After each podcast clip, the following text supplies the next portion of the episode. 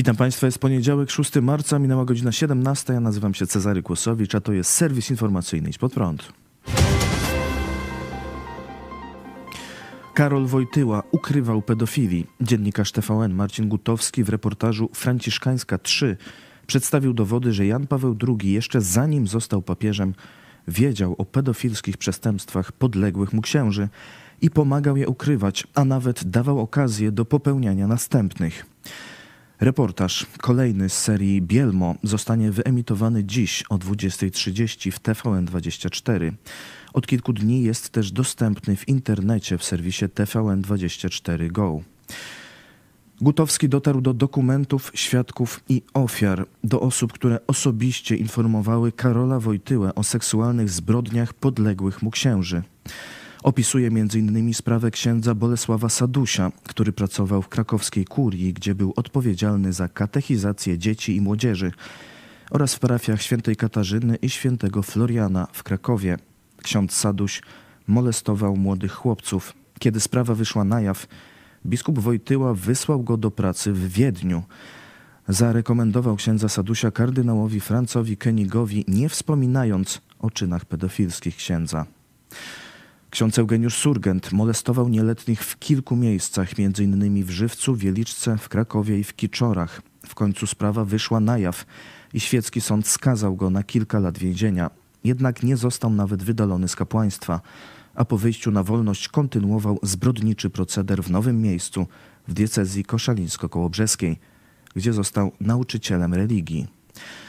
Ksiądz Józef Lorenz molestował dziewczynki we wsi Mutne koło Żywca. Robił to nawet w trakcie lekcji religii. Kiedy miejscowy proboszcz powiedział o tym kardynałowi Wojtyle, ten skierował księdza Lorenza do klasztoru na rekolekcję. W 1970 roku Lorenz trafił na rok do więzienia. Kiedy wyszedł, Wojtyła wysłał go do pracy w parafii w Zakopanem. Papież nie tylko wiedział, brał czynny udział w zbrodni pedofilii. Tak trzeba jasno Polakom mówić. Nie tylko wiedział, nie wiedział, starszy pan i takie srutututu. Nie? Trzeba jasno powiedzieć, był bezpośrednim udziałowcem zbrodni pedofilii Kościoła rzymskokatolickiego. I kropka. Nie? Wiesz, to, jest są, e, pierwsza... Mocne, e, mocne słowa, tak ci... Ale prawdziwe. No toż przecież mówimy o zbrodni na być może dziesiątkach tysięcy dzieci to, to, toż to nie możemy używać takie pitu-pitu jak Krzyżak czy Terlikowski. W tym filmie to jest też pokazane, że ci ludzie zgwałceni przez księży, to dotyczy i chłopców i dziewczynek, nie mogli później sobie ułożyć życia, sięgali po alkohol, stawali się, z ich rodzinami również. Stawali się alkoholikami, nie mogli sobie ułożyć życia rodzinnego, a część z nich targnęło się na swoje życie ze skutkiem niestety tragicznym, czyli ci ludzie e, ma, mają, no krew na rękach to jest tak mówiąc troszeczkę za delikatnie, bo oni mają krew niewinnych dzieci na rękach. Ja to porównuję bardziej do tego, co w Biblii mamy. W Starym Testamencie pogańskie narody miały takie różne bóstwa i fałszywe religie, e, podobnie jak Kościół rzymski, e, i oddawali im swoje dzieci, żeby zyskać przychylność tych bóstw.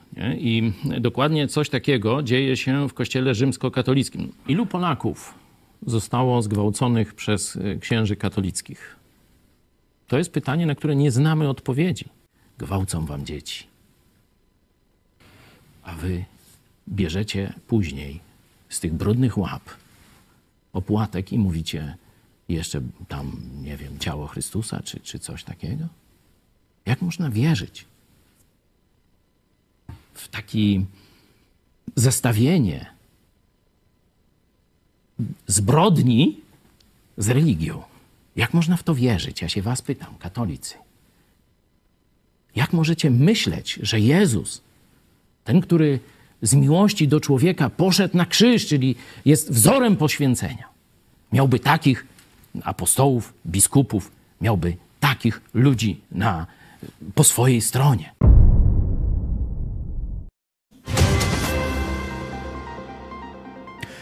Burza po śmierci syna posłanki. Posłanka PO Magdalena Felix w piątek wieczorem poinformowała o śmierci swojego syna. Napisała w mediach społecznościowych. W dniu 17 lutego odszedł mój syn, Mikołaj Felix. Miki 8 marca skończyłby 16 lat. Prokuratura wszczęła postępowanie w sprawie śmierci nastolatka z artykułu 151 kodeksu karnego, czyli doprowadzenie do samobójstwa.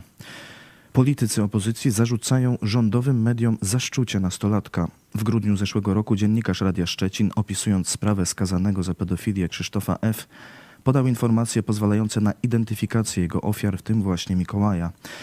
Opozycyjni politycy zarzucają rządowym mediom, że przyczyniły się do nagonki na matkę chłopca, posłankę PO i próbowały wykreować obraz tuszowania pedofilii w szeregach partii opozycyjnej, mimo że sprawca został skazany.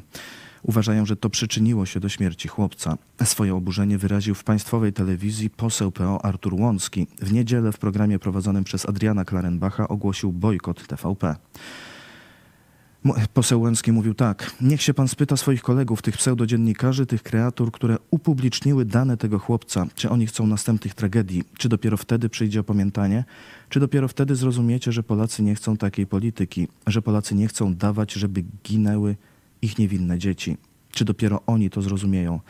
Dopóki nie przeprosicie za to, dopóki ci pseudodziennikarze, te kreatury dziennikarskie nie poniosą konsekwencji, ja i też myślę, żaden uczciwy polityk nie przyjdzie do waszego programu powiedział polityk PO i rozłączył się ze, studią, ze studiem. Prowadzący przez dłuższą chwilę nie wiedział, co zrobić. Tak zupełnie poważnie nie wiem za bardzo, z jakim tematem teraz kolejny wejść, bo kontynuować ten temat, który rozpoczęliśmy tak troszeczkę dziwnie i...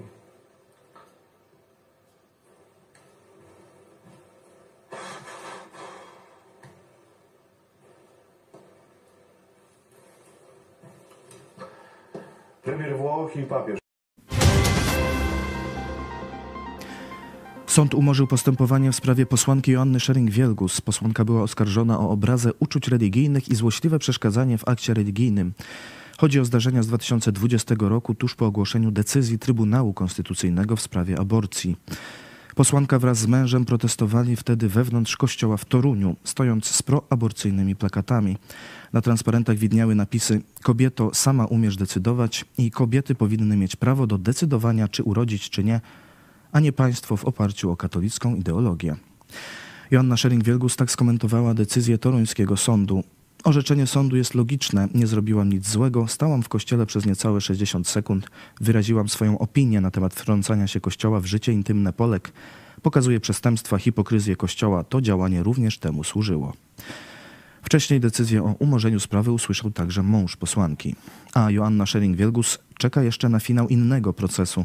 W 2018 roku brała udział w akcji protestu przeciw ukrywaniu pedofilii w kościele katolickim Baby Shoes Remember. Wiele osób, w tym posłanka, wieszało wtedy dziecięce buciki na bramie katedry w Toruniu. Schering-Wielgus ma odpowiadać za to z artykułu 63a kodeksu wykroczeń, który mówi kto umieszcza w miejscu publicznym do tego nieprzeznaczonym ogłoszenie, plakat, afisz, apel, ulotkę, napis lub rysunek albo wystawia je na widok publiczny w innym miejscu bez zgody zarządzającego tym miejscem, podlega karze ograniczenia wolności albo grzywny. To wszystko w tym wydaniu serwisu. Dziękuję Państwu za uwagę. Kolejny serwis jutro o 17, a jeszcze dziś e, w telewizji pod prąd o godzinie 18 e, sprawa rozwodu Jacka, senatora Jacka Burego. I, czy to zakończy jego karierę. Zapraszam, do zobaczenia.